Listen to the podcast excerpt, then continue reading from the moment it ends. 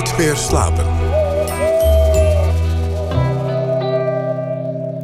Goedenacht, welkom bij Nooit meer slapen. Hier bij ons de gast is stripauteur of graphic novelist Michiel van der Pol. Hij werd geboren in 1965, groeide op in Tilburg en probeerde als kind al urenlang vergeefs de snavel van Donald Duck te tekenen. Het gaat hem nog steeds niet perfect af, maar tussen die eerste snavel en zijn nieuwste boek liggen talloze bijzondere verhalen. Over opgroeien, verliefd zijn, mislukken en vaders die vreemde lijken tot je ze van dichtbij bekijkt.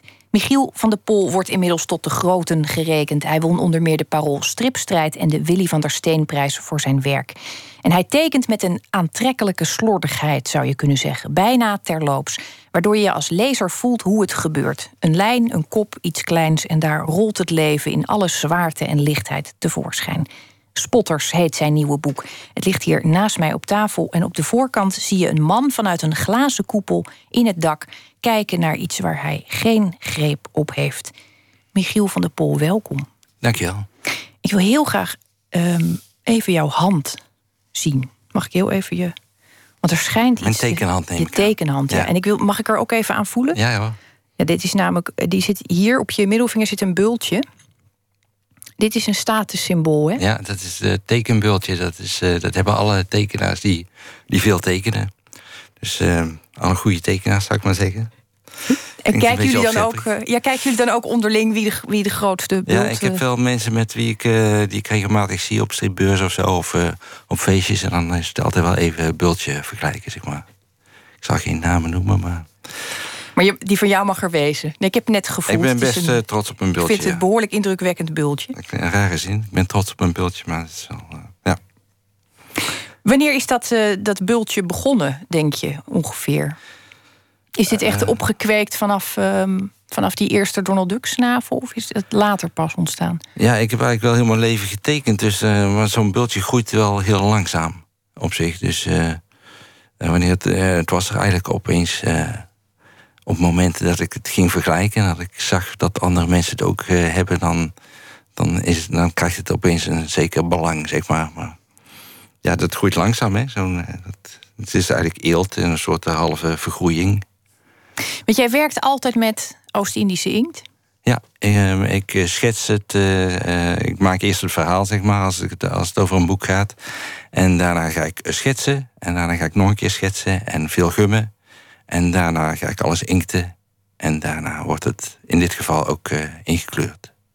Ja, ik noemde het net wel heel, uh, wat zei ik, aantrekkelijk slordig. En bijna terloops. Ja, dat maar dat is hoe het, hoe het er uiteindelijk uit gaat zien. Ja, dat klopt. Het, uh, ja, dat, ik vind het heel belangrijk dat het een soort van stijl is die niet te veel afleidt, zeg maar. Dus hele mooie tekeningen kunnen afleiden, maar ook lelijke tekeningen kunnen ook heel erg afleiden. En ik zoek eigenlijk naar een soort stijl uh, die niet afleidt, die zeg maar, waardoor je gewoon in het verhaal zit en uh, ja, niet, dat je niet, uh, dat het verhaal niet steeds stokt doordat je te veel naar de tekeningen moet kijken. Als je begrijpt wat ik bedoel. Nou, ik het was, ook... ja, dat, ik begrijp het. En ik, maar dat, dat kwam ook omdat ik. Dit was het eerste boek wat ik in tijden las. waarbij ik een beetje het gevoel had dat ik aan het smokkelen was. En dat was interessant, want het brengt gelijk een vooroordeel naar boven. Je krijgt een uh, uh, graphic novel in handen en je denkt toch, en ze eigenlijk niet echt lezen. Het is toch een beetje ook uh, plaatjes kijken, maar dan voor grote mensen. -hmm. ken, ken, je dat? Dat dat, dat dat even lastig is voor sommige mensen om daar doorheen te gaan voordat ze dat aandurven? Ja, ja, sowieso. Sowieso hebben heel veel mensen ook problemen met het lezen van strips, want het is gewoon een heel ander soort taal als, als alleen letters, zeg maar. Zitten ook hele pagina's in die alleen maar bestaan, bestaat uit, uit beeld. En die, die net zoveel of meer informatie geven als, uh, als de tekst. En het is sowieso een soort van samenspel wat, uh, waar je een beetje gevoel voor moet krijgen hè, op een gegeven moment. Mijn moeder bijvoorbeeld, die, die heeft dat uh, helemaal niet. Die, die leest boeken en die snapt niet hoe dat samenspel van dat beeld en die tekst, hoe dat zeg maar samen een nieuwe soort werkelijkheid uh, kan, uh, kan gaan vormen. Uh, dus daar moet je wel een beetje ja, gevoel of oefening in hebben of zo. Dat denk ik wel, ja. Wanneer begon jouw um, stripleestijd? Was jij als jongetje al Zat je, zat je diep in de Suske en Wiske bijvoorbeeld? Ja, Suske en Wiske vond ik geweldig. En alle Donald Ducks en zo. Dat, ik weet niet hoe oud ik toen precies was, maar toen was ik echt heel klein. En daarna heb ik een hele tijd me van gedistanceerd. Toen zat ik op de kunstacademie. Toen vond ik dat niet echt meer bij mijn imago passen. Toen maakte ik allemaal hele moeilijke kunstwerken die, uh, die omvielen tijdens exposities. Ja, dat, dat heb ik begrepen. Je, je, je bent, laten we daar even beginnen. Je bent naar de Academie voor Beeldende Vorming gegaan. En daar heb je, dat is eigenlijk een soort leraaropleiding, maar je hebt al die didactische vakken heel snel eruit gegooid. Nou, niet heel snel. Het was helemaal op het einde, zeg maar. Dus ik heb ook allemaal stage gelopen op scholen en zo om te, om te kijken of dat. Uh, of dat iets voor mij was. En ook vanuit een soort gevoel van, ja, dan ga ik later toch geld verdienen. Want als kunstenaar ga je natuurlijk nooit geld verdienen. Het is altijd heel handig om daar even over na te denken, inderdaad. Had ik in ieder geval. Uh, dus heel veel stages gelopen op scholen. En uh, nou, die stages hadden mij dus al snel één ding geleerd... dat ik totaal ongeschikt ben als leraar. Dus dat was toch heel handig om die stages gehad te hebben, zeg maar. Maar dat was pas echt in het allerlaatste jaar dat ik besloot van ik, ik word geen leraar, maar ik word kunstenaar. En toen zat je dus met al die ehm, moeilijke beelden die steeds omvielen. Je, je, hebt echt beeldhouden ook gehad daar. Ja, ja. Maar het waren beelden, zeg maar, het waren een soort bouwpakketten die bestonden uit stukjes hout en metalen stripjes die ik dan aan elkaar schroefde. En die bouwde ik dan op op een tentoonstelling. Maar ik had helemaal geen gevoel voor, uh, voor hoe ik dat dan precies moest doen. Dus vaak werd hij dan een beetje topzwaar. En die vielen dan tijdens het bouwen vaak om en zo. En bij iedere tentoonstelling was dan ook de bedoeling dat zo'n beeld er dan weer anders uitzag. Want ik, ik had ook helemaal geen handleiding erbij gemaakt van hoe die houtjes en die strips dan aan elkaar gemaakt moesten worden. Dat was iedere keer anders. Dus dat vond ik ook wel. dat, daar zat allemaal wel een gedachte achter, zeg maar. maar ja, ze vielen natuurlijk ook zo vaak om dat ze er vanzelf steeds weer anders uit gingen ja, zien. Ja, ja, ja, dat ook. Maar eigenlijk, eh, nou, ambachtelijk was ik. Ik had die methode van die houtjes en die strips ook gekozen, omdat ik gewoon een beetje onhandig ben, zeg maar. dus. Um, je was niet geschikt als leraar. Je was onhandig met uh, materiaal. Tot nu toe is het een ontzettend goede keuze gebleken, de Academie voor Beeldende Vorm. Wat ik wel deed zeg maar, bij, die, bij die beelden was een soort van getekende handleidingen maken. Dus uh, dat ik tekende hoe het eigenlijk moest. Zeg maar. Dus niet in de zin van de, dat je dan wist hoe je dat beeld in elkaar moest zetten. Maar wel uh, een soort van getekende uitleg. Zo van wat ik ermee bedoelde en zo. Toen je daarheen ging, wist je eigenlijk al dat je liefde voor een heel groot deel bij strips lag. Maar daar is het er. Was het gewoon not done om daar überhaupt met strips bezig te zijn? Ja, ook dat. Het was, uh, eigenlijk was niemand daar met strips bezig, maar ik vond zelf ook dat dat eigenlijk niet. Uh, ja, ik, ik, ik mat mezelf een imago aan wat, wat, wat meer bij beeldende kunst hoorde, of wat ik dacht dat daarbij hoorde. Allemaal onzin natuurlijk eigenlijk, maar ja, dat heeft toch wel een aantal jaar geduurd. Maar eigenlijk de dag dat ik van de academie afkwam, ben ik eigenlijk vrij snel weer begonnen met, met tekenen, zeg maar. En um, ja, die getekende handleidingen waar ik het net over had, dat, dat breidde zich ook steeds meer uit. Zeg maar, tot er op een gegeven moment ook geen, geen beeld meer nodig was wat daar aan vooraf ging, zeg maar. Dus toen had je eigenlijk alleen maar die getekende dingen. En dat vond ik zo lekker om te doen dat ik daar gewoon mee doorgegaan ben. Is de handleiding overwoekerde de kunst? Ja. En toen werd mijn oudste zoon geboren. En toen dacht ik van... Uh, uh, mensen houden altijd een soort babyboek bij. Daar ze fotootjes in uh, maken en zo. En toen dacht ik van, dat ga ik met, met stripjes, kleine stripjes... ging ik iedere dag een stripje maken over hoe het met hem ging en zo. En hoe hij zich ontwikkelde. Uh, en daar kwam ik zelf ook steeds meer in voor. En op een gegeven moment werd, dat, uh, werd mijn rol in die stripjes steeds groter. En dan vond ik mezelf eigenlijk veel interessanter dan wat mijn zoon allemaal deed. Dus toen had ik een autobiografisch stripje gemaakt. En dat, dat heeft echt jarenlang heb ik dat gedaan. Op een gegeven moment ook met een wedstrijd meegedaan.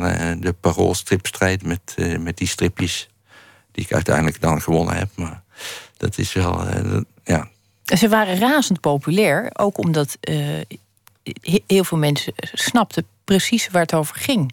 het was deel van het dagelijks leven, maar dan op zo'n manier verbeeld dat het. Ja, bij sommige mensen waren het populair, maar er waren ook heel veel mensen die het allemaal niet zo begrepen, omdat het niet echt uh, grapjes waren. Het waren niet echt uh, stripjes in de klassieke zin van het woord. Dat je. Uh, vaak heb je dan drie, vier plaatjes en dan in het laatste plaatje heb je dan de clue. Zeg maar. Dan wordt het zo opgebouwd, een laatste plaatje, de clue, en dan is het lachen. Of niet, natuurlijk, maar in mijn geval waren het meer een soort verhaaltjes, kleine verhaaltjes van drie, vier plaatjes. En uh, die waren vaak uh, helemaal niet grappig. Of de grap zat al in het tweede plaatje. En dan, dan uh, werd dat zo een beetje freewheelde ik eigenlijk het, het, stripje uit naar het vierde plaatje. Dus dat had allemaal een beetje een andere opbouw dan wat veel mensen gewend waren, zeg maar. Dus, dus veel mensen snapten het ook gewoon niet, zeg maar. Waar blijft die grap nou, dachten dan.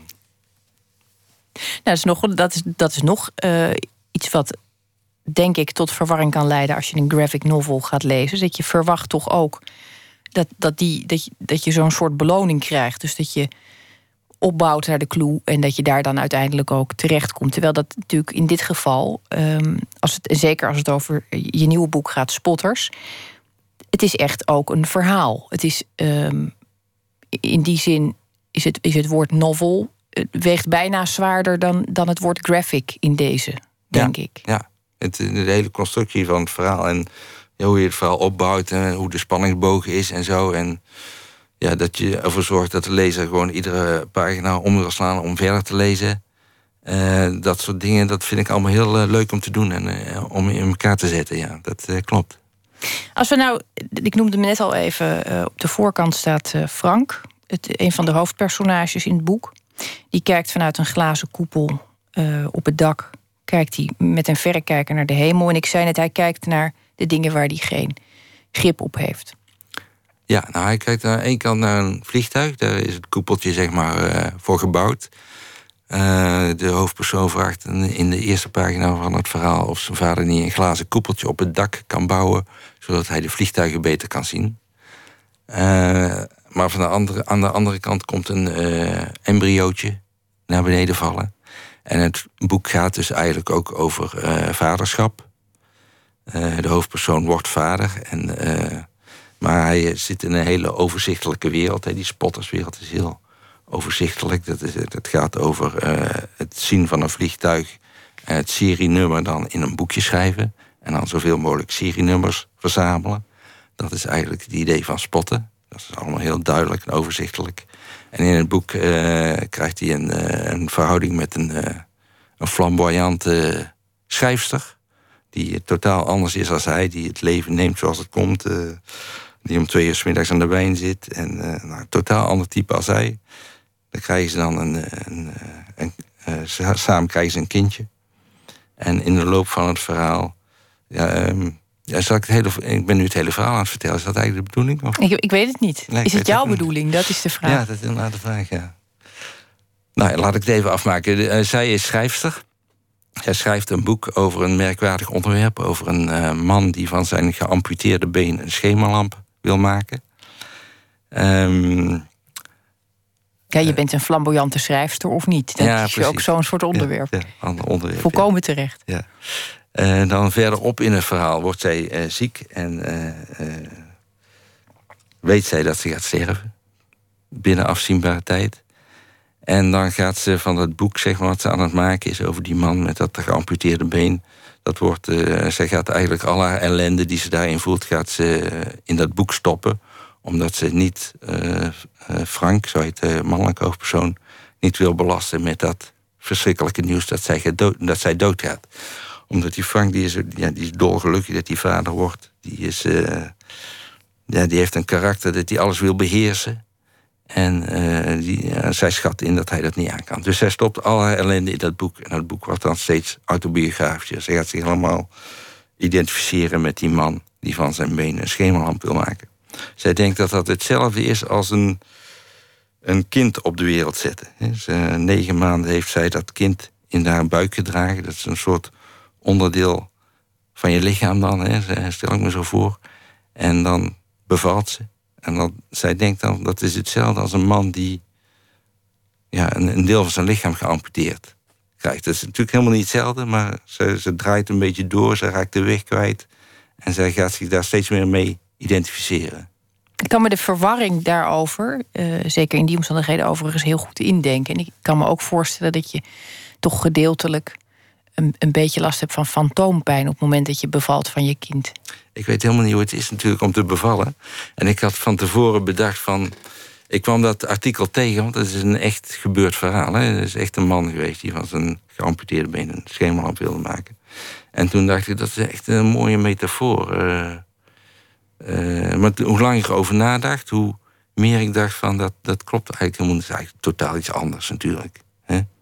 Toch? Ja, het zijn absoluut uh, onvergelijkbare zaken. Dus toen dacht ik van ja, dan moet, zij, dan moet zij de verstand verliezen. Zodat ze toch die vergelijking kan maken. Snap je? Want ik, inmiddels vond ik dat beeld wel heel mooi. Dus toen had ik bedacht van dan moet zij de verstand verliezen en dan, dan laat ik er gewoon doodgaan. En dan laat ik het daarmee worstelen. En dan kan zij toch die vergelijking maken. Het is allemaal vanuit fictie neergezet. Ja. Ehm, en zo praat je er ook over. Dit, toch een beetje de godheid die boven het papier hangt en bedenkt: wat ga ik nu eens allemaal met ze uitspoken? Ja. Maar uiteindelijk dringt altijd ook de werkelijkheid zich op. Je kunt, je kunt geen fictie schrijven of er duikt alweer ergens een. Waar, waar zat het element in dit geval? Was het. Uh... Wat, uh, zeg maar, het autobiografische element. Ja, zeg maar, hoe, uh, ik kan me nog heel goed herinneren toen ik zelf vader werd die eerste negen maanden is, is, is moeder natuurlijk gewoon het belangrijkste. Is dat toch een beetje als een sukkel bij, zeg maar. Dus uh, wat Frank heel erg heeft, uh, de hoofdpersoon, is dat hij gewoon meer wil doen. Hij wil gewoon meer doen als alleen maar. Afwachten. Maar, ja, afwachten.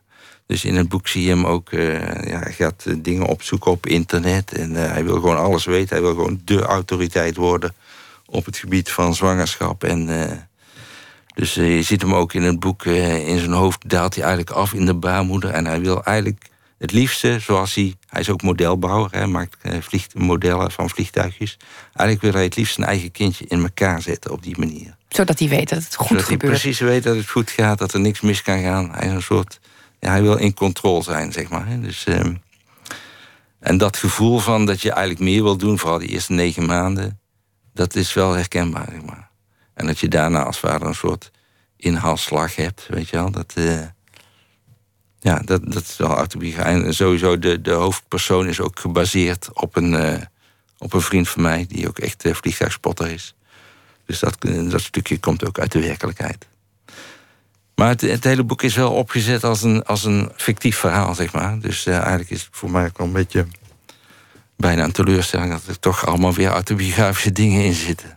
Je ontkomt er denk ik niet aan. Het, is ook, het is ook niet erg, want je hebt de vrijheid van de fictie en tegelijkertijd ja. natuurlijk de, de rijkdom van de werkelijkheid. Precies, dat is ook echt wel een van de redenen dat ik echt een fictief verhaal wou maken. Omdat ik met die, die dagboekstripjes die ik dan maakte, had ik.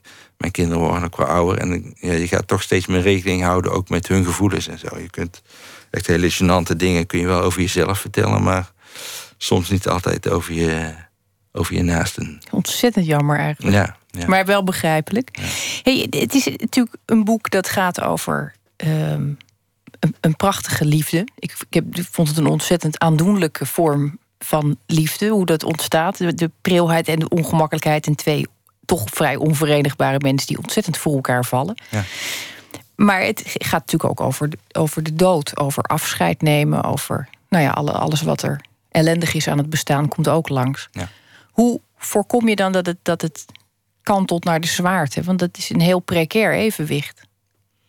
Ja, ik probeer in al mijn boeken wel een soort van um, uh, een evenwicht te vinden tussen humor en uh, tragiek. Zeg maar, omdat ik dat echt twee.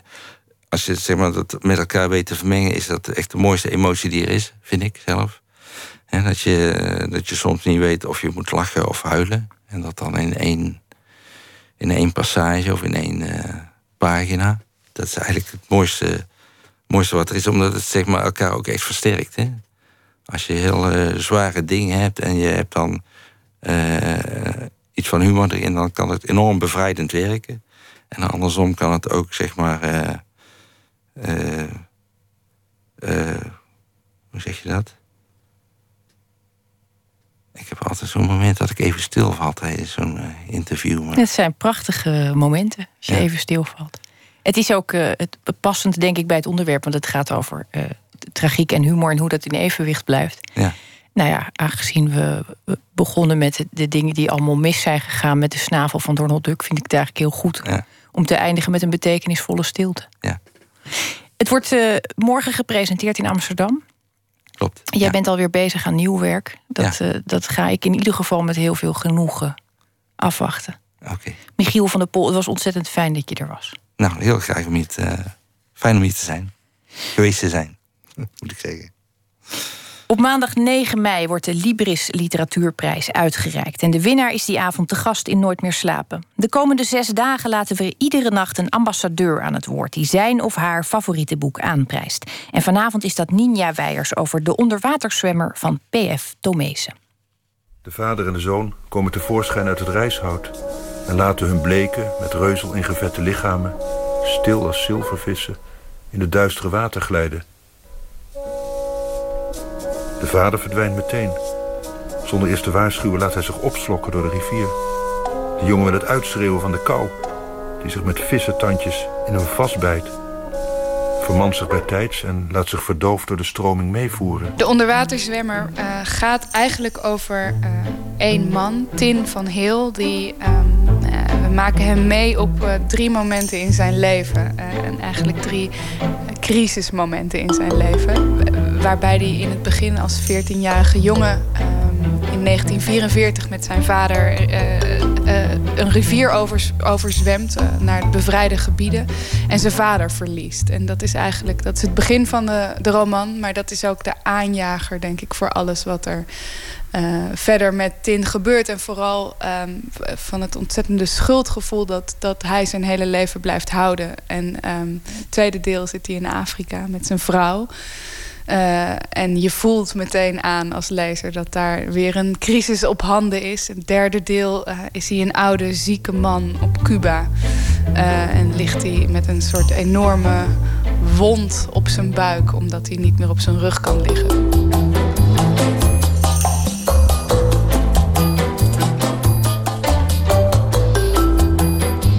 Wat ik zo knap vind aan het boek is dat het een voortdurende crisissituatie eigenlijk beschrijft. Dus uh, hoewel er tijdsprongen worden gemaakt en er uh, drie heel verschillende delen zijn, hebben ze met elkaar gemeenschappelijk dat de hoofdpersoon um, in een totale crisis is verzeild geraakt. En um, ben je als lezer, zit je ook behoorlijk claustrofobisch in zijn hoofd. En uh, hij komt er niet uit, maar als lezer is er eigenlijk ook geen ontsnappen aan. Dus het is een heel af en toe letterlijk uh, benauwende ervaring om dit, uh, om dit boek te lezen. Ik weet nog dat ik het las en ik was bezig met deel 2, uh, waarin dat hele gedoe in Afrika zich afspeelt. En ik weet dat ik het boek ook letterlijk af en toe aan de kant moest leggen. En, en, en mijn vriend zat naast me en ik zei: Oh god, oh nee, ik kan even niet verder.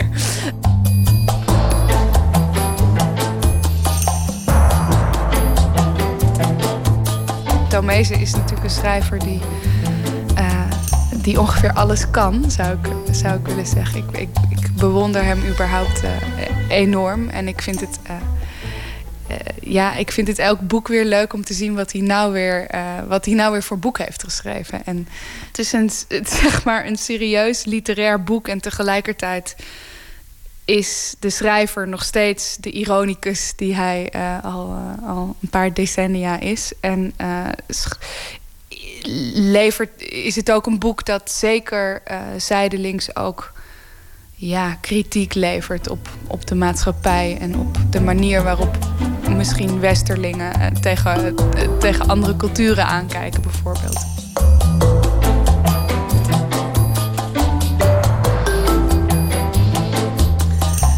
Ik denk dat, ik denk dat dit boek uh, grote kans maakt, uh, natuurlijk, om de prijs te winnen. Um, ja, hoe schat ik zijn kansen in? Ja, zo'n prijs heeft altijd iets uh, vrij willekeurigs natuurlijk. En een jury is ook maar een jury. Maar um, het zou wat mij betreft een hele mooie winnaar zijn van de Librisprijs. Vlakbij? Maar waar? Hoort hij zijn vader? Hij hoort hijgen, toch? Hij ziet hem niet meer. Hij ziet helemaal niets meer. Het kan evengoed zijn eigen heiger zijn waar hij naar luistert. Zijn vader is al ver vooruit, zeker. Het diepste duister in. Ninja Weijers hoorde u over de onderwaterzwemmer van Frans Tomezen. Een bijdrage was dit van Inger Ter Schuren en de Libris Literatuurprijs wordt op maandag 9 mei uitgereikt. Straks na het nieuws horen we wat F. Starik vandaag bij het nieuws van de dag heeft geschreven. En we verdiepen ons in de gifjes beeldcultuur. En hoe het komt dat die bewegende plaatjes zo immens populair zijn. En ook hoe ze eigenlijk worden gemaakt. Daar ga ik over praten met Adinda Akkermans, onze nachtcorrespondent. En dat en meer straks na het nieuws van 1 uur.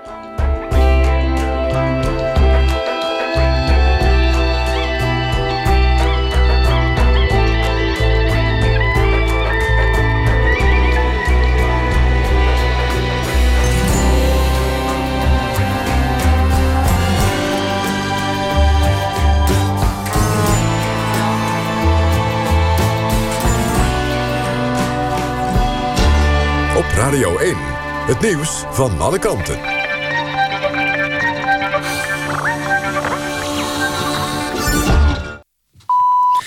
Het is 1 uur, Patrick Holtkamp met het NOS-journaal. Premier Rutte weigert andere landen in het openbaar de les te lezen... over zaken als vrije meningsuiting en persvrijheid. Bokito-gedrag gaat ons nergens brengen, zei hij in het NOS-radioprogramma Met het oog op morgen. Hij reageert op de kwestie van de Turks-Nederlandse columniste Ebru Omar... die vanwege kritische tweets over president Erdogan Turkije niet uit mag. Het kabinet probeert Omar via diplomatieke weg terug naar Nederland te krijgen... en Rutte heeft de afgelopen week enkele keren met zijn collega Davutoglu gebeld.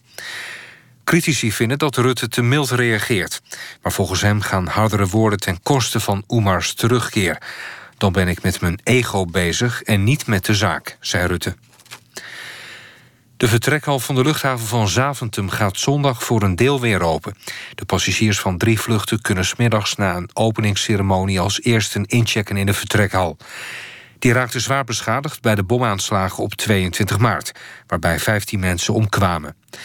Begin deze maand vertrokken de eerste vliegtuigen weer. Er was een tijdelijke vertrekhal ingericht die maximaal 800 passagiers per uur kon verwerken. Het vliegveld hoopt in de tweede helft van juni weer helemaal open te zijn. Een Russisch gevechtsvliegtuig heeft een gevaarlijke manoeuvre uitgehaald... bij een Amerikaans toestel boven de Oostzee... zeggen medewerkers van het Amerikaanse leger tegen nieuwszender CNN. Een Russische straaljager zou op enkele tientallen meters... van een Amerikaans verkenningsvliegtuig... een soort kurkentrekker hebben uitgevoerd. De laatste tijd zijn meer van zulke incidenten gemeld in het Oostzeegebied. Volgens de VS zijn het Russische provocaties. Het weer. Veel bewolking met in het oosten soms regen. Het koelt af naar een graad of 5. Komende dag op veel plekken bewolkt en af en toe een bui... en het wordt dan een graad of 12. Zondag meer zon bij maximaal 15 graden. Dit was het NOS Journaal. NPO Radio 1. VPRO. Nooit meer slapen.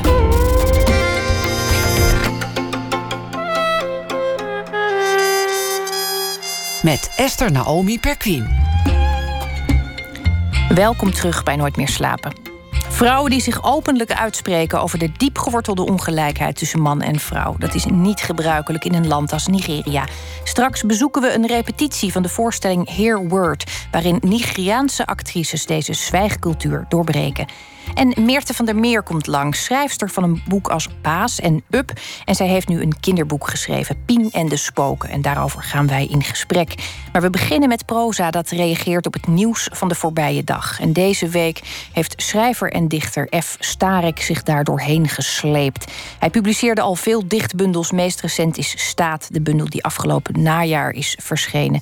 En daarnaast is hij auteur van de romans De Gastspeler en Moederdoen.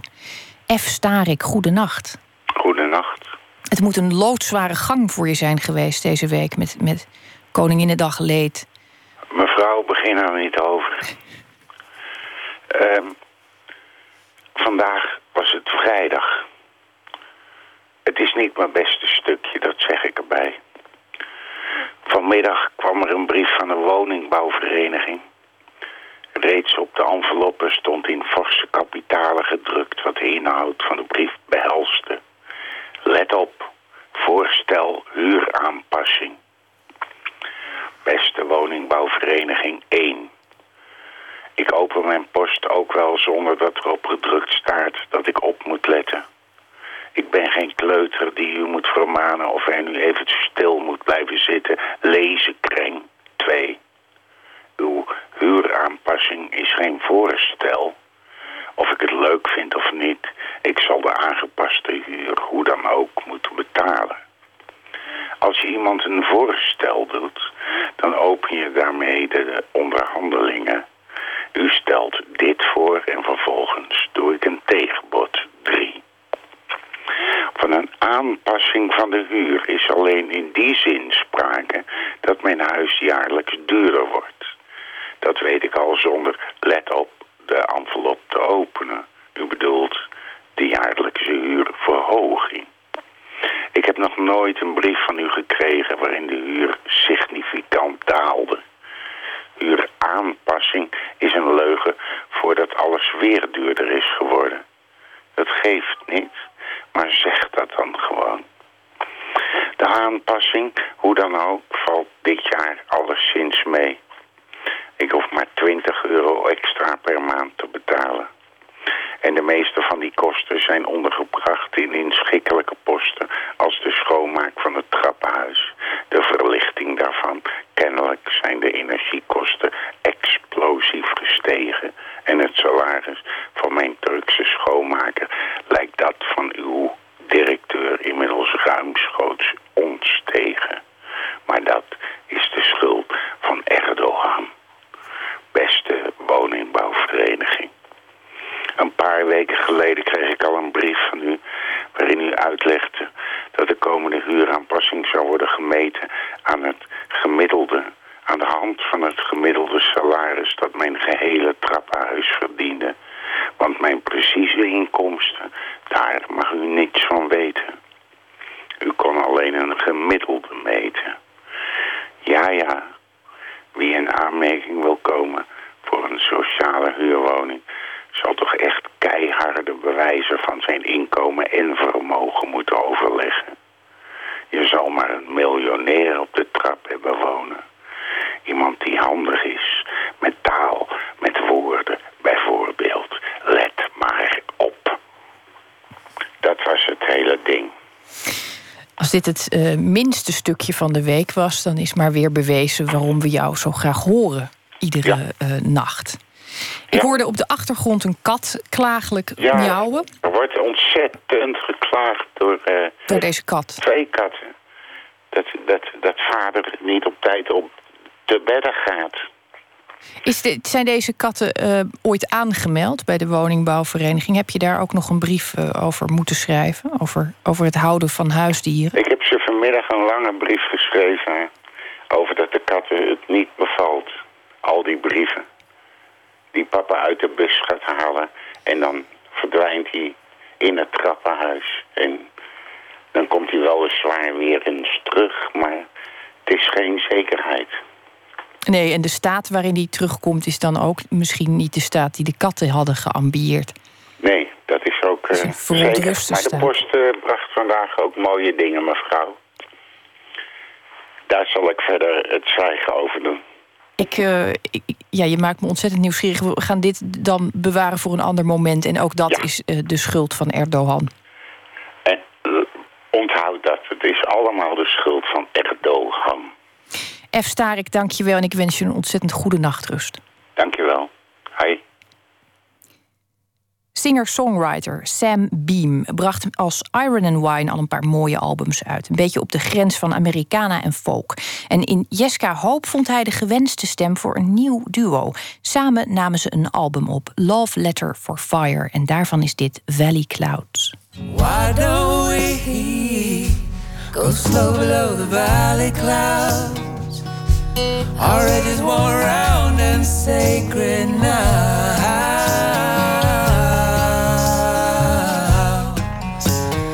All in time, our promises were not the same. We left flowers in the field and our tears were plain.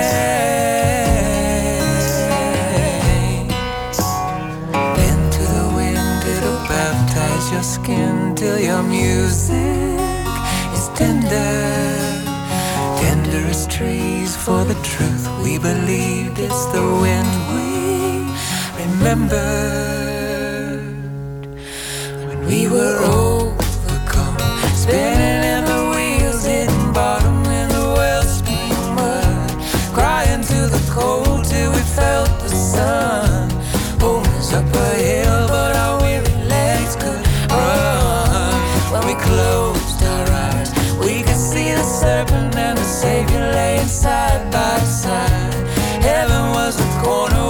tried to hide. Our run would be long and our river would be wild. Feel this flag. Let's ring another freedom bell. Backs are to the sound, but it's served me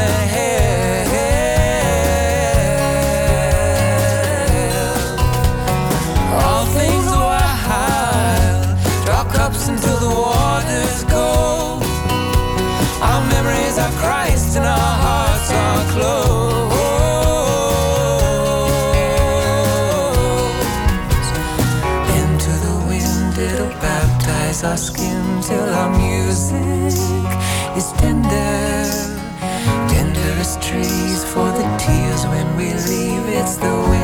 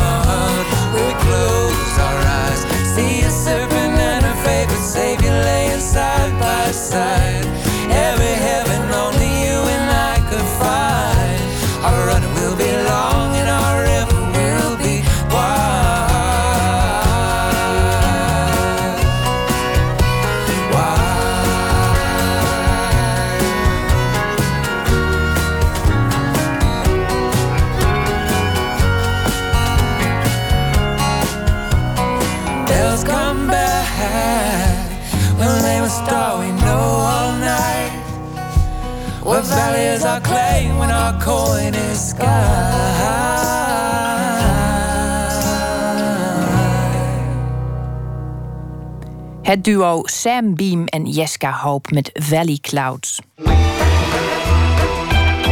Nooit meer slapen. Over Nigeria horen we vooral slecht nieuws. Aanslagen, olievervuiling, Boko Haram. Maar we horen weinig over het mooie dat het land heeft te bieden. Komend weekend kunnen we dat wel zien in de voorstelling Hear Word in Theater Frascati in Amsterdam. Een gelaagde voorstelling en verslaggever Botte Jellema zocht het uit.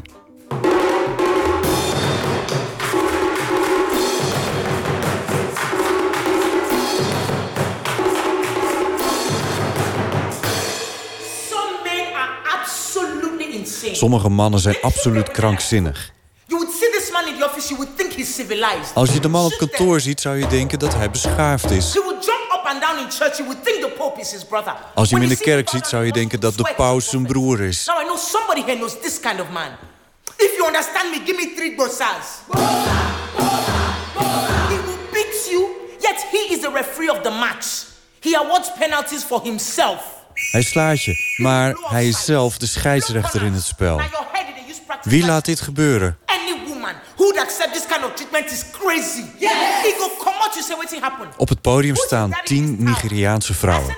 Regisseur Ifoma Fafunwa heeft ze bij elkaar gebracht om een verhaal te vertellen. The full title is Hear What Niger Woman Talk True, which is Listen and Understand. Nigerian women are telling truths. Ze vertellen over de Nigeriaanse cultuur, waar dingen in zitten die onafhankelijkheid en ontplooiing beperken. Um, they're talking about basically the different things within the culture. Het begint met lichte onderwerpen over hoe een schoonmoeder een schoondochter behandelt, hoe een moeder een dochter behandelt. And then they go on to heavier issues like rape and you know violence, battery, um, and laws. Then it goes into political Maar daarna gaat het over zwaardere onderwerpen... zoals verkrachting en geweldpleging. En over wetten en politiek. We have a culture of silence in Nigeria, which is it's just not beneficial to share. Over verkrachtingen en ander geweld houden de vrouwen in Nigeria hun mond. Het systeem stimuleert het niet om aangifte te doen. Politie en justitie zijn er niet op ingericht, vertelt regisseur Ivona. There's no rape kit. Um, it's kind of like his word against hers philosophy. So if you don't have a witness, it doesn't really make sense because there's no forensic um, investigation. Maar het is nog veel erger dat als ze erover praten, het tegen ze wordt gebruikt. It's such a patriarchal society where a man's desires and his ego drive.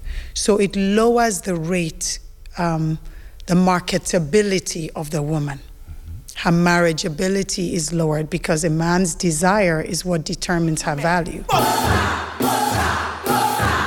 Ikira for the man who protects his wife from mother-in-law, hey! from father-in-law, hey! from monkey-in-law.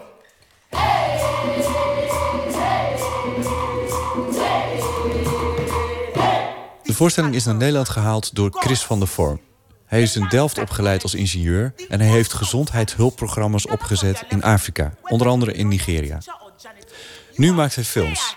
Hij maakt nu eentje over deze voorstelling, Hear Word. In dit geval zou het moeten gaan over de ontwikkeling van Afrika, Afrikaanse landen. Maar dat is natuurlijk een heel breed onderwerp. Dus ik ben op een soort zoektocht gegaan naar de verschillende landen waar ik ben geweest. Contacten gesproken, veel mensen geïnterviewd, ideeën gegenereerd. Tot het moment dat ik via de Nederlandse overheid... en de lokale ambassade in Lagos... in contact ben gekomen met uh, Ifioma... die op dat moment op zoek was naar een DOP, een uh, cameraman. Uh, mm -hmm. En dat was in eerste instantie zo een heel kort bezoek zijn... of in ieder geval gesprek zijn van een half uur, want dat had ze. Maar dat werd al heel snel een uur, twee uur, drie uur... en dat was een totale klik... En uh, toen zijn we eigenlijk al begonnen om te praten over het idee om een documentaire slash film te maken over wat zij doet. En dus ook de ontwikkeling van uh, Nigeria.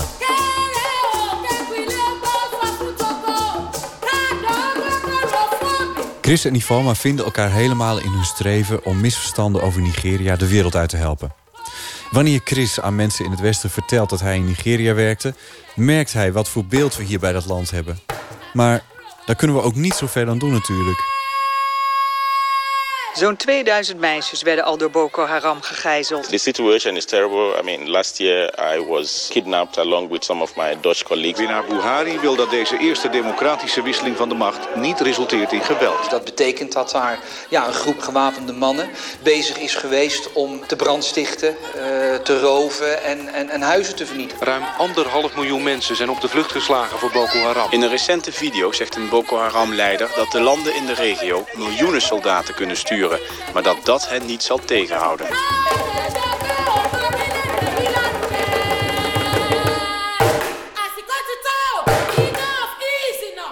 Armoede, oorlog, Boko Haram, Shell, olie.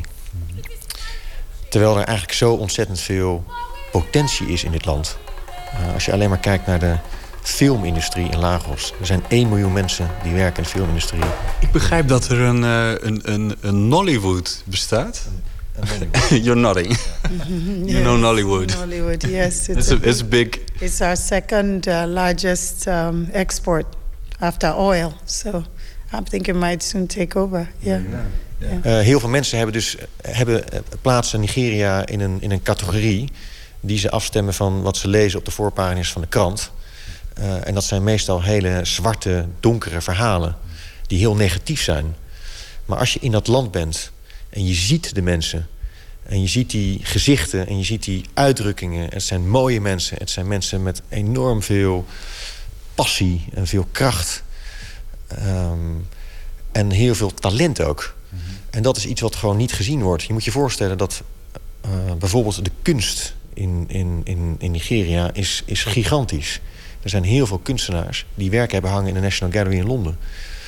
Uh, en heel veel mensen weten dat niet. En je ziet hier zelf ook, als je kijkt naar deze mensen... dit zijn gewoon topactrices Met mensen die gewoon ergens voor willen gaan. eh, en die dat ook echt neerzetten. En dat is een, eh, dat is een enorme drive. Het inspireert je ook. Ik wil je nog even een simpele vraag stellen. eh, want je zegt, eh, ik, ik wil de, de, de kracht en de schoonheid... En, en de ontwikkeling die in het land zit... eh, zou ik willen tonen... Ja. tegenover de, de negatieve berichtgeving... die we zo vaak zien uit, uit Nigeria. En dan is het dit stuk wat gaat over... dat, het, dat de vrouwen het daar helemaal niet zo goed hebben... en dat die onderdrukt worden. Nee, maar dat is ook zo. Ze laat een kwetsbaar gedeelte van de maatschappij zien. Met in een toneelstuk. Enerzijds. Maar anderzijds laat ze ook zien... door het toneelstuk te tonen... van een hoge kwaliteit... dat er heel veel potentie in het land zit. Dus daar zit een balans. En dat wil ik laten zien. En dat contrast is zo mooi om, om neer te zetten in film... eh, en beeld en geluid. En op het podium natuurlijk. En op het podium natuurlijk.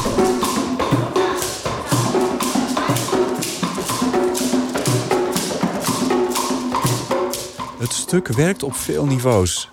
Hier in Nederland zien we het beste dat Nigeria op toneel heeft te bieden. En in Nigeria geeft het stuk de mogelijkheid om iets te bespreken zonder het te bespreken. What it does is it gives a woman a chance to to say what's on her mind without having had to say it. So you can bring your mom or your mother-in-law to the show or your husband and then you had a conversation but you really didn't have the conversation. It's a way to cheat. Ze saboteren het zwijgen van Nigeria met dit stuk. Mensen komen terug om het nog een keer te zien. Omdat ze bijvoorbeeld willen dat hun zoon het ziet. my husband to see this, and that's um, that has helped us with ticket sales, repeat business. Het verandert iets in Nigeria. It changes in a very, you know, simple way. It shifts perspectives in Nigeria. Um, that women start to ask the question: Where am I a part of this problem? Where am I a victim? Slachtoffers stellen zichzelf vragen over hun rol, net als daders. En op een grotere schaal betoont de wereld tien sterke Afrikaanse vrouwen op een podium. So, which is different from the way you see African women on TV starving or dragging a bag, uh, you know, through the airport or whatever it is. It will it will shift stereo- stereotypes and sort of bring people closer together.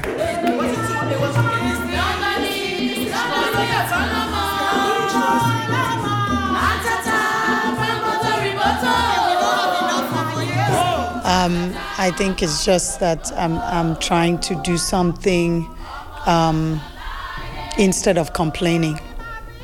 Because it's very easy to complain about Nigeria. Nigeria has such a bad rap, and I think that people are now doing that in Nigeria. It's just getting up and saying, you know, enough is enough. Let's do something different here.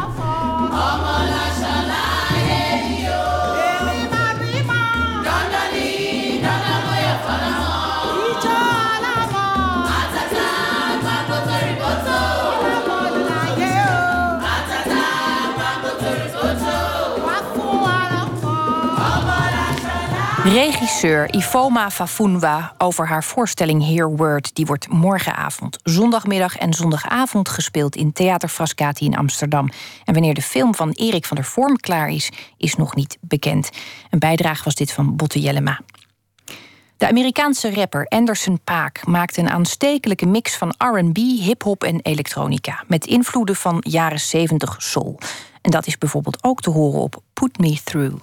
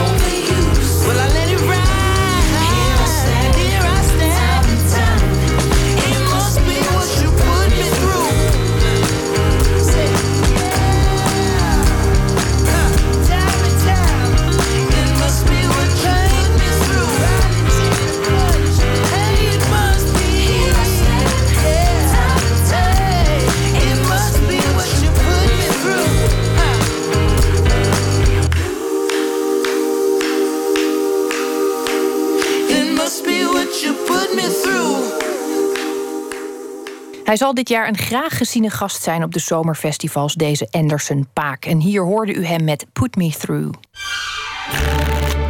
Open kaart.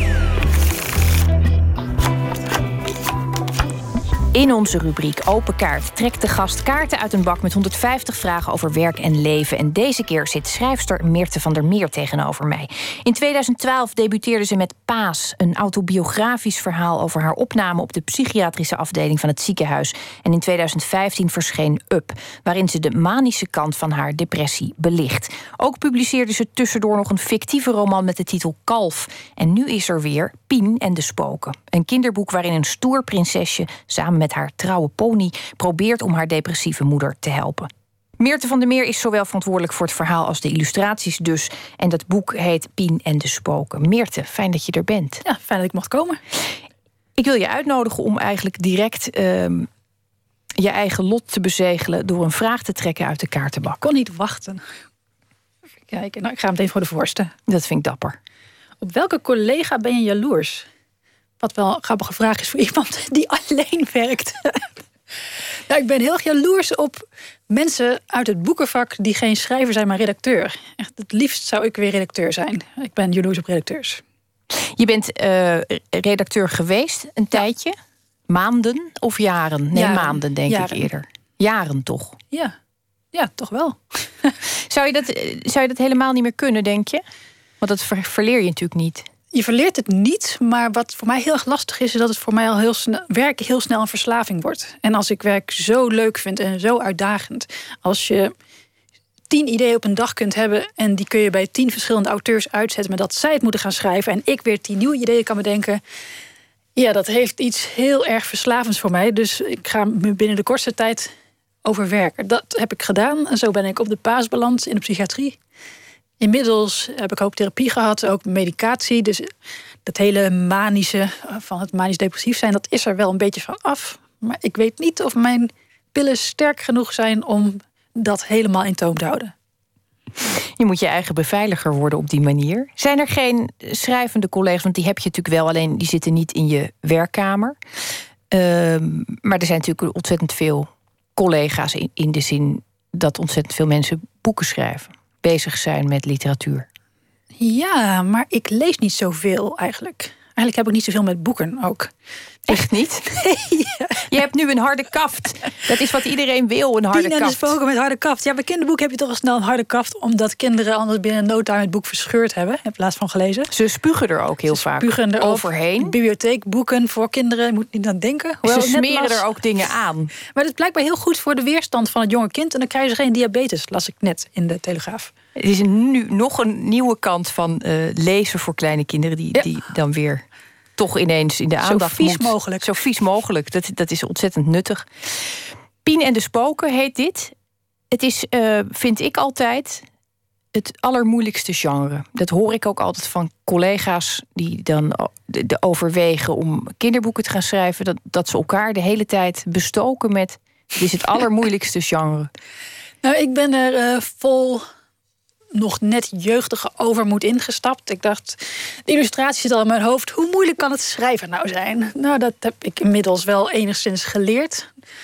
Uiteindelijk hebben wij maar gewoon het systeem toegepast. Ik schreef het verhaal. Mijn uitgever schreef haar visie op. Mijn redacteur schreef de visie op. En mijn literair agent allemaal gewoon in de tekst. Dit zou ik alles doen, dit zou ik alles doen. En ik heb uiteindelijk uit al hun opmerkingen de uiteindelijke tekst samengesteld. Ik had het zelf niet kunnen doen. Ik had niet zelf wat ik dus had gedaan. Ik was mee begonnen. Ik was begonnen met schrijven. Ik dacht, het verhaal is heel duidelijk. Meisje heeft een depressieve moeder en gaat proberen die depressie op te lossen. Wat natuurlijk niet kan. En dan heel erg sprookjesachtig met veel avontuur. Nou ja, ik teken de tekeningen. Die had ik ook als eerst af. En daarna schrijf ik het verhaal nog even op. Nou ja, dan krijg je te horen veel te langdradig. Je maakt het niet invoelbaar. Je moet kortere zinnetjes gebruiken. Ja, dit korte zinnetje is net verkeerd gekozen. Nou, het was echt... Na die eerste versie dacht ik, help. Kunnen we niet een ghostwriter inschakelen? Maar gelukkig had ik wel iets van een uh, zelflerend vermogen. En met behulp van die aantekeningen ben ik er toch uitgekomen. Het is heel lastig. Ik vind het ontzettend verfrissend om dit een keer te horen. Oh, wat, uh, wat zeg ik dan? Nou, ik luister niet mee. Nee, ik vind het ontzettend prettig om uh, iemand uh, te horen die beschrijft hoe, wat een ontzettende worsteling dit is. Want de meeste mensen doen toch alsof het een beetje uit je, uit je hoofd is gevallen, zo op papier stond. Ja, het verhaal en de tekeningen die vallen uit mijn hoofd. Maar het schrijven van het verhaal, dat is echt iets anders. En bij Pien de Spoken is het ook nog probleem dat het een voorleesboek is. Dus je schrijft het voor de kinderen, maar tegelijkertijd wil je het ook enigszins draaglijk maken voor de ouders. Dus er zitten grapjes in voor de ouders die de kinderen niet begrijpen, maar waardoor ze niet in de war komen. En andersom eigenlijk ook. Je schrijft eigenlijk voor twee compleet andere doelgroepen tegelijk. En ik dacht, ik schrijf gewoon een verhaal voor de ouders, want die lezen het voor en die maken het wel leuk. Nou, dat schijnt dus niet zo te zijn. De jeugdige overmoed. Nou, laten we, daar, laten we daar nog een vraag op, uh, op pakken. En dan ga ik nu voor de achterste, of is die net teruggestopt? Nee, ik denk dat, het, dat het kan. Aha, is er, oh, de andere ligt hier. Is er iets wat niemand van je weet? Poeh, even denken. Nou ja, na het schrijven van uh, Paas en Up over mijn al hele psychiatrische verleden... is er, vrij weinig dat mensen niet meer van mij weten. Wat zou niemand van mij weten? Ja, mijn echte naam. Want ik schrijf van op pseudoniem. Ik ga je daar natuurlijk niet naar vragen. Zoals je een dame niet vraagt naar haar leeftijd, vraag je een schrijver ook niet naar de echte naam. Ehm, heb jij het een beetje gevolgd, die zaak rondom uh, Hendrik Groen, het pseudoniem? En dat er dan altijd iemand is die wel wil weten wie daarachter zit? Nee, nee, ik kijk echt helemaal geen nieuws. Ik lees geen kranten. Ik, uh, ik hoor van mijn vriend als er iets in de wereld gebeurt, telefonisch. Dus er zijn weinig dingen die mensen niet van jou weten, maar er zijn heel veel dingen die jij niet van mensen weet. Niks van mensen, nee. Dat is inderdaad zo. Dat is eigenlijk een heel mooi antwoord. Uh, neem nog een vraag, alsjeblieft. Ja, een middelste. Wat zou je aan jezelf veranderen? Ja, ik zou dus wel redacteur willen zijn. Liever redacteur dan schrijver. Dat zou ik wel willen veranderen. En voor de rest ben ik op dit moment eigenlijk wel een tevreden mens, denk ik. Je hebt een hele lieve vriend die nieuws voor je filtert en selecteert. Dat lijkt me op zich al een heel aangenaam bezit. Alleen is hij niet, hij is niet heel erg up-to-date. Ik weet op een gegeven moment dat ik tegen mijn vriend zei: oh, Wat me echt zo opvalt, is dat de luchten zo blauw zijn. Je ziet heel weinig vliegtuigstrepen. En zei Vijf dagen geleden is er een vulkaan uitgebarsten op IJsland, waardoor er helemaal geen vliegtuigen meer mogen vliegen. dacht ik, nou, dat had je iets eerder kunnen zeggen. Maar dat is een beetje de vertraging waarmee ik de wereld beleef. Nou, wat zou ik aan mezelf willen veranderen? Iets van het toch nog hypomane, manische, impulsiever eraf. Dus als ik wat drukker word, dan wil ik meteen alles nu en dan moet ik meteen ook alles daarvoor hebben. Dus dan krijg ik een enorme koopwoede. Dat is vervelend. Maar eigenlijk is het als je, als je therapie hebt, pillen slikt, um, zo uitzonderlijk is dat ook weer niet meer. Nee. Dat is ook een vorm van iets aan jezelf veranderen. Vraag ik me soms af. Want ik, ik zeg dat nu wel, maar dan denk ik tegelijkertijd, ja, um, misschien is het wel iets van jezelf terugbrengen, wat anders verloren raakt in plaats van iets. In hoeverre is dat een verandering in jouw optiek? Ik vind het wel mooi verwoord. Iets terugbrengen wat verloren is geraakt. Ja, wat mij lastig maakt is dat ik al heel lang psychische problemen heb. Eigenlijk al sinds dat ik kind was. Was ik depressief. Ik denk ergens in mijn tienerjaren kwam daar ook de manische kant bij. Asperger, dat heb je al vanaf je geboorte. Ik denk dat ik wat minder speelbal ben van mijn stemmingen. En helemaal sinds ik afgelopen herfst voor de zoveelste keer van medicijnen ben veranderd en ik nu voor het eerst weer een middel heb waarvan ik denk, nou, dit maakt mij echt stabiel. Ik heb nu niet meer continu die mood swings. En vind je jezelf dan niet saai? Nou ja, ik ben een, een, maand geleden gestopt met suiker eten. En daar word je wel echt heel saai van. Echt verschrikkelijk saai. Omdat je op de bank zit en je denkt... ik weet gewoon zeker, als ik nu een zak winegums achterover sla... dan gaan mijn ogen open en dan krijg ik energie en dan wil ik dingen doen. En dan... Dus het schijnt goed voor je te zijn, maar het is slecht voor je zelfbeeld. Heel saai. Geen suiker eten. Ik ben wel benieuwd of je dan ook ergens naar toe wilt. Of er een punt is waarvan je denkt, zo, zo wil ik worden. Nee, ik wil eigenlijk niks worden. Ik heb eigenlijk altijd gedacht dat ik. Uh, van kinds af aan dacht ik dat ik niet oud zou worden. Ik dacht dat ik ga gewoon zelfmoord plegen. Dus ik word nooit ouder dan 18. En toen ik dat had gehaald, dacht ik, nou, ik word nooit ouder dan 25. Nou ja, twee maanden na mijn 25ste, na mijn 26ste, ben ik ook opgenomen geworden in de paas. Dus die voorspelling die zat wel redelijk goed. Sindsdien ben ik eigenlijk gestopt met naar de toekomst kijken. Ik kijk eigenlijk helemaal niet naar de toekomst, behalve naar een boek. Dus als ik met een boek bezig ben, het enige wat ik dan denk is: oh, ik hoop niet dat ik doodga voordat het af is. Anders is het echt zonde van het werk. En ook zonde van deze maanden, want die had ik dan beter, beter kunnen besteden. Als je op driekwart van het boek bent, je hebt net drie kwart jaar lang lopen ploeteren, terwijl je ook met je vriend buiten had kunnen rondhuppelen. En net op het laatste kwart van het boek kom je onder een bus terecht. Ja, dan had je toch iets. Had, als ik dat had geweten, had ik iets anders gedaan met die drie kwart jaar die ik aan dat stomme boek heb besteed. Niet te veel in de verte kijken. Nee, helemaal niet. Ja, als schrijver is het heel lastig om in de verte te kijken. Want als schrijver heb je een vrij beperkte houdbaarheidsduur als je wilt leven van het schrijven. Dus toen wij de, toen nog in de uitgeverijwereld werkten, dan was het gewoon een beetje de regel. Eh, iemand die kan leven van het schrijven, die kan dat ongeveer vijf tot zeven jaar doen. En op een gegeven moment, mensen hebben al acht meter van de Meers gelezen. Gaan ze dan ook echt nummer negen kopen of gaan ze dan Paas nog een keer opnieuw lezen? Nou, ik hoop natuurlijk dat ze nummer 9 ook kopen, maar ja, Paas, ook een leuk boek. Dus ik, ik denk niet dat ik dit oneindig kan blijven doen. Het leven van het schrijven. Neem nog een vraag, alsjeblieft. Vierde. Welke kritiek van anderen krijg je soms te horen? Nou ja, toen ik dat kinderboek inleverde, kreeg ik vrij veel kritiek. Ja, dat heb je net uit. Dat is, dat is in de, maar dat, dat kon je dus ook blijkbaar wel heel goed hebben. Ja, nou, ik baal echt verschrikkelijk. Toch wel? Vooral van mezelf. En natuurlijk zit er ook zo'n zo, zo Maar hoe uitzicht dat dan? Zit je, gooi je dan met iets of, of wordt het een huilbui? Nee, ik vloek dan gewoon. Hard en lang. Hard, lang. En nadrukkelijk. Ja, ja, ja, ja, maar dan wel zo dat de buren het net niet horen. Ze moeten ze geen zorgen gaan maken. Nee. nee, ik vloek dan. Dat is dan mijn uh, tactiek. En dan word ik ook boos. En denk ik, oh ja, maar dan ga ik het nu ook gewoon doen. En dan, dan ga ik er nu achter zitten en dan ga ik het ook doen. En dan lukt het ook wel. Maar dus, het is een hele activerende woede die je dan Ja, het is wel, woede is wel een vorm van energie. Dus die kun je ook echt omzetten tot iets productiefs. Je kunt ook gewoon met het bestek gaan rondsmijten. Maar dat vind ik niet zo heel erg zinvol.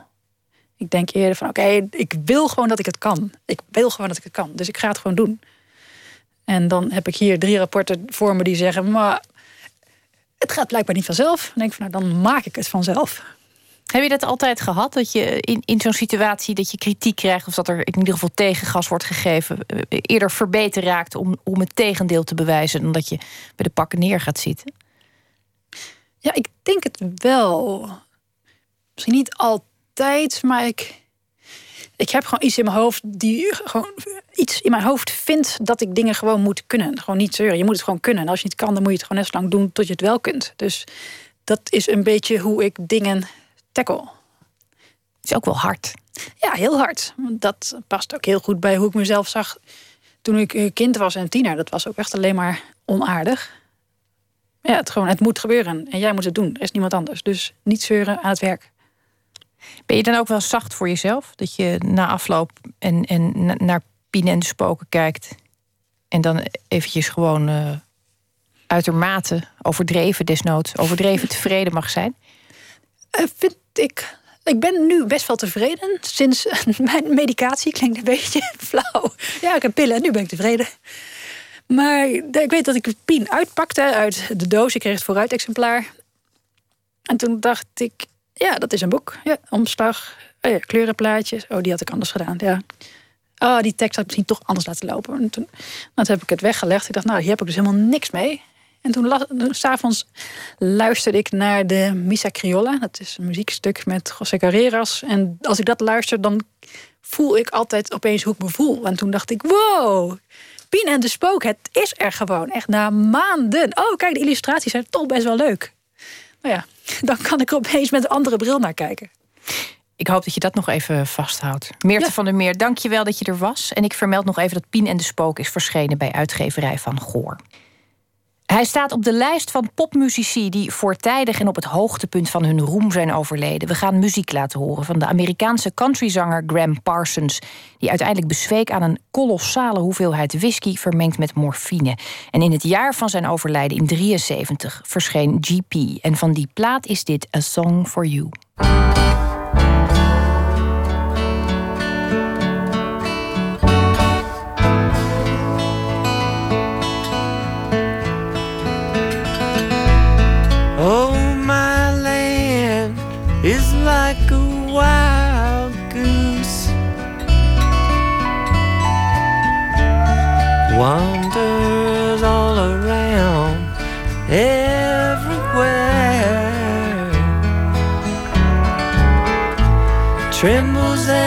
And it shakes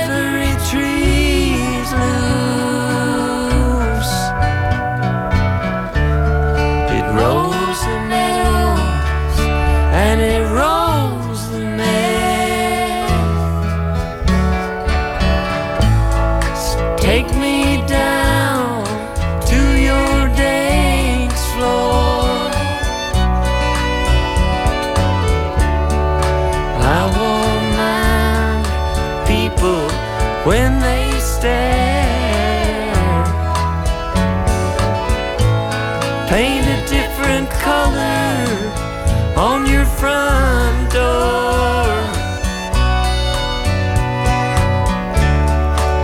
And tomorrow we will still be there. Jesus built a ship to sing a song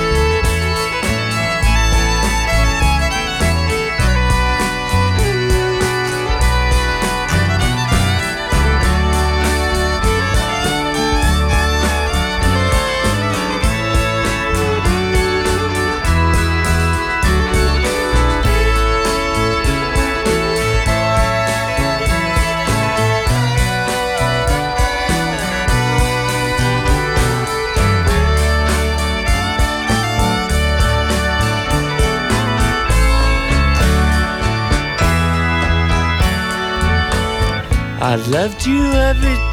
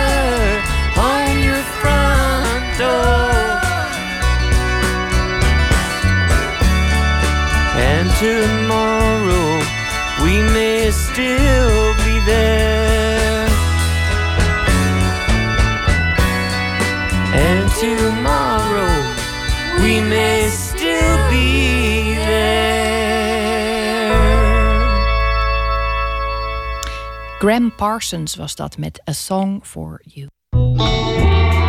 Nooit meer slapen. Een gif zegt soms meer dan duizend woorden. Dat is het motto van het festival Gif Weekender... dat de komende dagen plaatsvindt in het Volkshotel in Amsterdam. En nachtcorrespondent Adinda Akkermans was vanavond bij de opening. Adinda, goeienacht. Hoi Esther. We weten natuurlijk allemaal inmiddels wel ongeveer wat een gifje eigenlijk is. Maar wat is het eigenlijk ook alweer precies? Het is eh, eigenlijk een bestandtype dat eh, in de jaren negentig veel gebruikt werd om eh, korte illustraties te laten bewegen op een beetje van die amateuristische website, zeggen we nu. Maar het is al een tijdje bezig met een comeback. Je ziet ze bijvoorbeeld veel voorbij komen op sociale media. Een beetje vaak van die flauwe kleine filmpjes of in plaats van een reactie in tekst plaats je dan een filmpje van een eh, juichende Oprah Winfrey of zo. Eh, maar er zijn er dus nu ook eh, serieuze kunstenaars die gifkunst maken of gifjeskunst. Ja, ik zit zelf nog in het stadium dat ik me net voor het eerst bezondigd heb aan een gifje van een optrekkende wenkbrauw. Dus ik, ik, ik ben ontzettend benieuwd naar wat gifkunst is. Hoe ziet dat er precies uit? Nou, op de tentoonstelling in het Volkshotel eh, vandaag en morgen en overmorgen dus... zijn het allemaal filmpjes van een paar seconden... die steeds herhaald worden. Zodat je niet weet waar, eh, waar het begint en waar het eindigt. En dat werkt, moet ik zeggen, heel hypnotiserend. Want je blijft er echt eindeloos naar kijken. Dat, dat viel me echt op. Dan zie je mensen die dan in een spiraal lopen... en die in werkelijkheid is dat, dan, is dat dan echt maar een paar seconden. Maar het beeld lijkt net zo gemaakt dat, je, dat ze blijven lopen en lopen en lopen en lopen en lopen en lopen. En eh, gifjes bestaan dus al best lang. Waarom is het nu ineens eh, weer helemaal terug in in? Ja, dat vroeg ik ook aan een van de orga- organisatoren, Evelyn eh, Austin. Luister maar. Dus ze zijn eigenlijk een van de eerste dingen die er waren op het internet. En je moet je voorstellen dat het toen ehm, echt een soort hele bitterige of blokjesachtige, ehm, heel beperkte animaties waren. Ehm, en wat je nu ook in deze tentoonstelling ziet, is dat ze veel meer high-tech zijn geworden. Dus het zijn filmbeelden, het zijn echt hi- high-resolution eh, kunstwerken. En ik denk dat dat wat daar heel mooi aan is, als je naar die ontwikkeling kijkt, is dat het echt laat zien hoe het internet van een soort nerdy eh, technologie naar mainstream eh, communicatienetwerk is gegaan. Maar tegelijkertijd is het juist eigenlijk dat hele simpele van, eh, van het gifje... dat het interessant maakt voor bijvoorbeeld de curator van de tentoonstelling, eh, Daniel Sanema. Eh, hij is een vervent gifjesverzamelaar. Eh, ten opzichte van videokunst is GIF eigenlijk een heel beperkt, eh beetje een oud medium. Het is echt gemaakt voor simpele kleine plaatjes eh, die toevallig ook konden animeren. En daardoor heeft het een beperkt kleurgebruik, 256 kleuren. En ehm, kan het eigenlijk maar kort animeren. Een film kan natuurlijk zo lang als je wil en, en heeft veel meer, veel, eh, veel meer kleur. Dus daardoor kan je ook veel realistischer eh, dingen weergeven, zoals dat kan met film. Het gif kan dat niet en die beperking maakt het eigenlijk veel knapper om daar iets heel moois mee te maken. Je hebt een heel beperkt kleurenpalet tot je beschikking, je hebt heel beperkt tijd tot je beschikking. Ehm, en dat zie je er zeker niet altijd aan af. En dat is wel heel eh, indrukwekkend. Er zat daar vanavond ook een, eh, een jongen eh, live gifjes te maken. Willem Sjoerd van Vliet. En eh, hem vroeg ik naar zijn favoriete gifje. Eh, nou, er is eentje eh, gebaseerd op een, eh, van zo'n pop-art tekening van Rauschenberg. Ehm, en daar kijkt een man naar een vrouw. Alleen hij, hij sleept de hele tijd met zijn vinger sleept hij het gezicht van de vrouw naar links. En dan komt er weer hetzelfde gezicht opnieuw. En dat is heel erg een soort van wat gebeurt met van die online dating apps zoals Tinder of zo. Dat, je, dat het eigenlijk een soort van je sleept zo'n gezicht weg en je krijgt weer hetzelfde gezicht. En, en dat uh, is eigenlijk heel slim gecombineerd door een soort pop-art beeld ge gebruiken. En vervolgens uh, dat in deze tijd te plaatsen met de uh, techniek van nu. En, en dat is, dat is in nou, misschien een anderhalve seconde wordt dat uitgelegd. En, en in die anderhalve seconde wordt eigenlijk een heel uh, ja, heel groot westers probleem, of probleem, situatie wordt geschetst. Uh, een soort wegwerpmaatschappij, maar dan zelfs ook met je toekomstige geliefde of zo. Er, is, er ligt dan wat oppervlakkigheid op de loer dan. Ja, kan niet genoeg kunst over oppervlakkigheid eh, gemaakt worden, lijkt mij. Um, inderdaad, is wel een hele nieuwe, onbekende kunstwereld, lijkt me, die nu zich ontrolt langzaam. Wat zijn nou de namen waar we op moeten letten, de namen van gifkunstenaars? Ja, er werden vanavond wel een paar uh, grote namen genoemd, zoals uh, Zack Doherty en Dave White. Die laatste staat bekend om zijn gifjes van ja, een beetje grafische, mathematische vormen. Maar het is nou juist ook wel weer het kenmerk van zo'n gifje dat het niet zo belangrijk is wie het heeft gemaakt. Zodra je hem af hebt, nou ja, lanceer je hem eigenlijk op het internet en daarna gaat hij viral en is hij soort van vogelvrij. Iedereen mag hem gebruiken en bewerken en ja, dat is ook een beetje kenmerkend voor dit tijdperk waarin iedereen alles mixt, zeiden ze. Ja, ja, ze duiken inderdaad eh, altijd op allerlei plekken op. Wat kun je nou nog meer doen dit weekend op dat, op dat GIF Weekender Festival?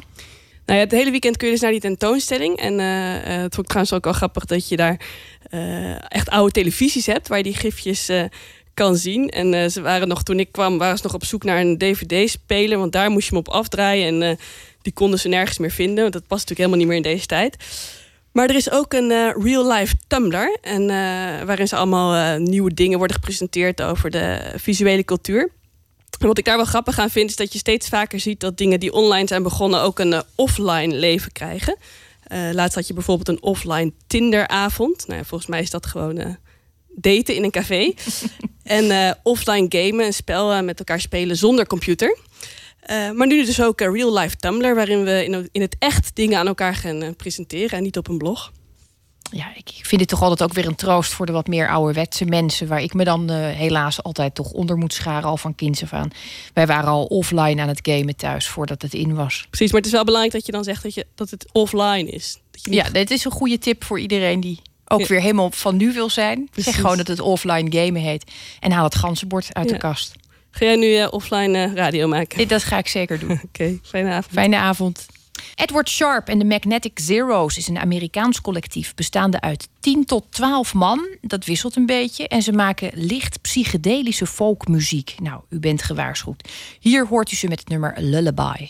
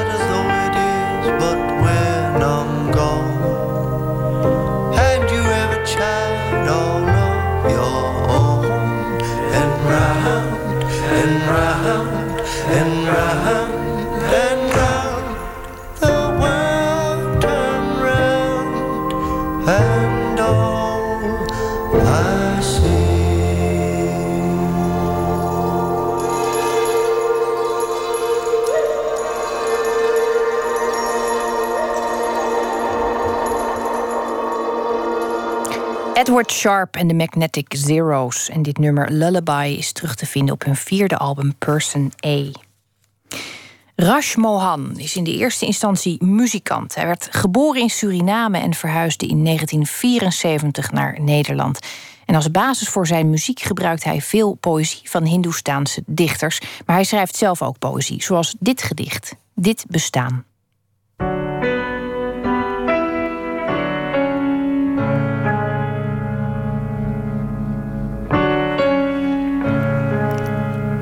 Dingen die op het laatste moment komen zijn vaak, of blijken vaak, heel goed te zijn. Zo ook dit gedicht van mij, uit mijn eerste bundel, Bapauti Erfenis.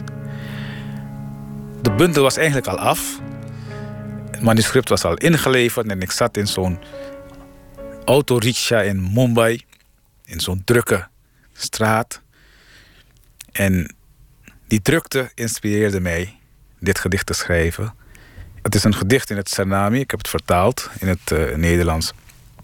En toen het af was, toen dacht ik van ja, dit hoort er gewoon bij. Dus ik hoopte dat het nog kon en het kon. Er is een woord, geelwortel, komt in dit gedicht voor. En geelwortelpasta wordt gesmeerd op het lichaam van bruid en bruidegom bij een hindoe bruiloft als reinigingsritueel. Dit bestaan. Dit bestaan wil ik niet haastig leven. Geelwortel niet overeild laten smeren op mijn lichaam. Laat mij maar zachtjes schaal worden op traag vuur. Rustig grijpen op een tak. Voor jou, ja, voor jou. Met handen gestoken in de zakken, mijn hoofd opgeheven, nog niet bescheiden. Wandel ik en dans op krediet van vreugde en genot. Laat me rusten voor de deur van zoete dromen. Triomferen na alles eerst te verliezen. Voor jou. Ja, voor jou. Leg me neer naast mijn eigen schaduw in alle rust in de bries van een open raam. Laat de tedere stuifregen spelen met me, al zou het buiten de maat en ver van zuivere tonen. Laat me schallen op de snaren van het bestaan. Schommelen op de snijvlak van de melodie. Voor jou, ja, voor jou. Ja, je zult het maar midden in de nacht te horen krijgen. Voor jou, ja, voor jou. U hoorde de Surinaamse muzikant en dichter Rash Mohan... die uit eigen werk voorlas het gedicht Dit Bestaan. En volgende week hoort u de keuze van Wiljan van den Akker. Ik vertel nog iets over maandag. Dan komt Bent van Looy langs. Hij is vooral bekend als frontman van de Vlaamse indie-rockgroep Das Pop. Zijn eerste soloplaat Round the Band schreef hij in zijn uh, voormalige woonplaats Parijs. En inmiddels woont hij weer in Antwerpen en is er een nieuw album Pyjama Days. En hij gaat in gesprek met Pieter van der Wielen. Dat onder meer maandag dus. Straks kunt u luisteren naar de collega's van Woord. En daarin staat een beetje bevrijding centraal. U hoort onder andere de coming-out van Tosca Nieterink. Ik zou ervoor wakker blijven. Maar mocht u toch gaan slapen, dan wens ik u een hele goede nachtrust. En ik hoop dat u volgende week weer luistert.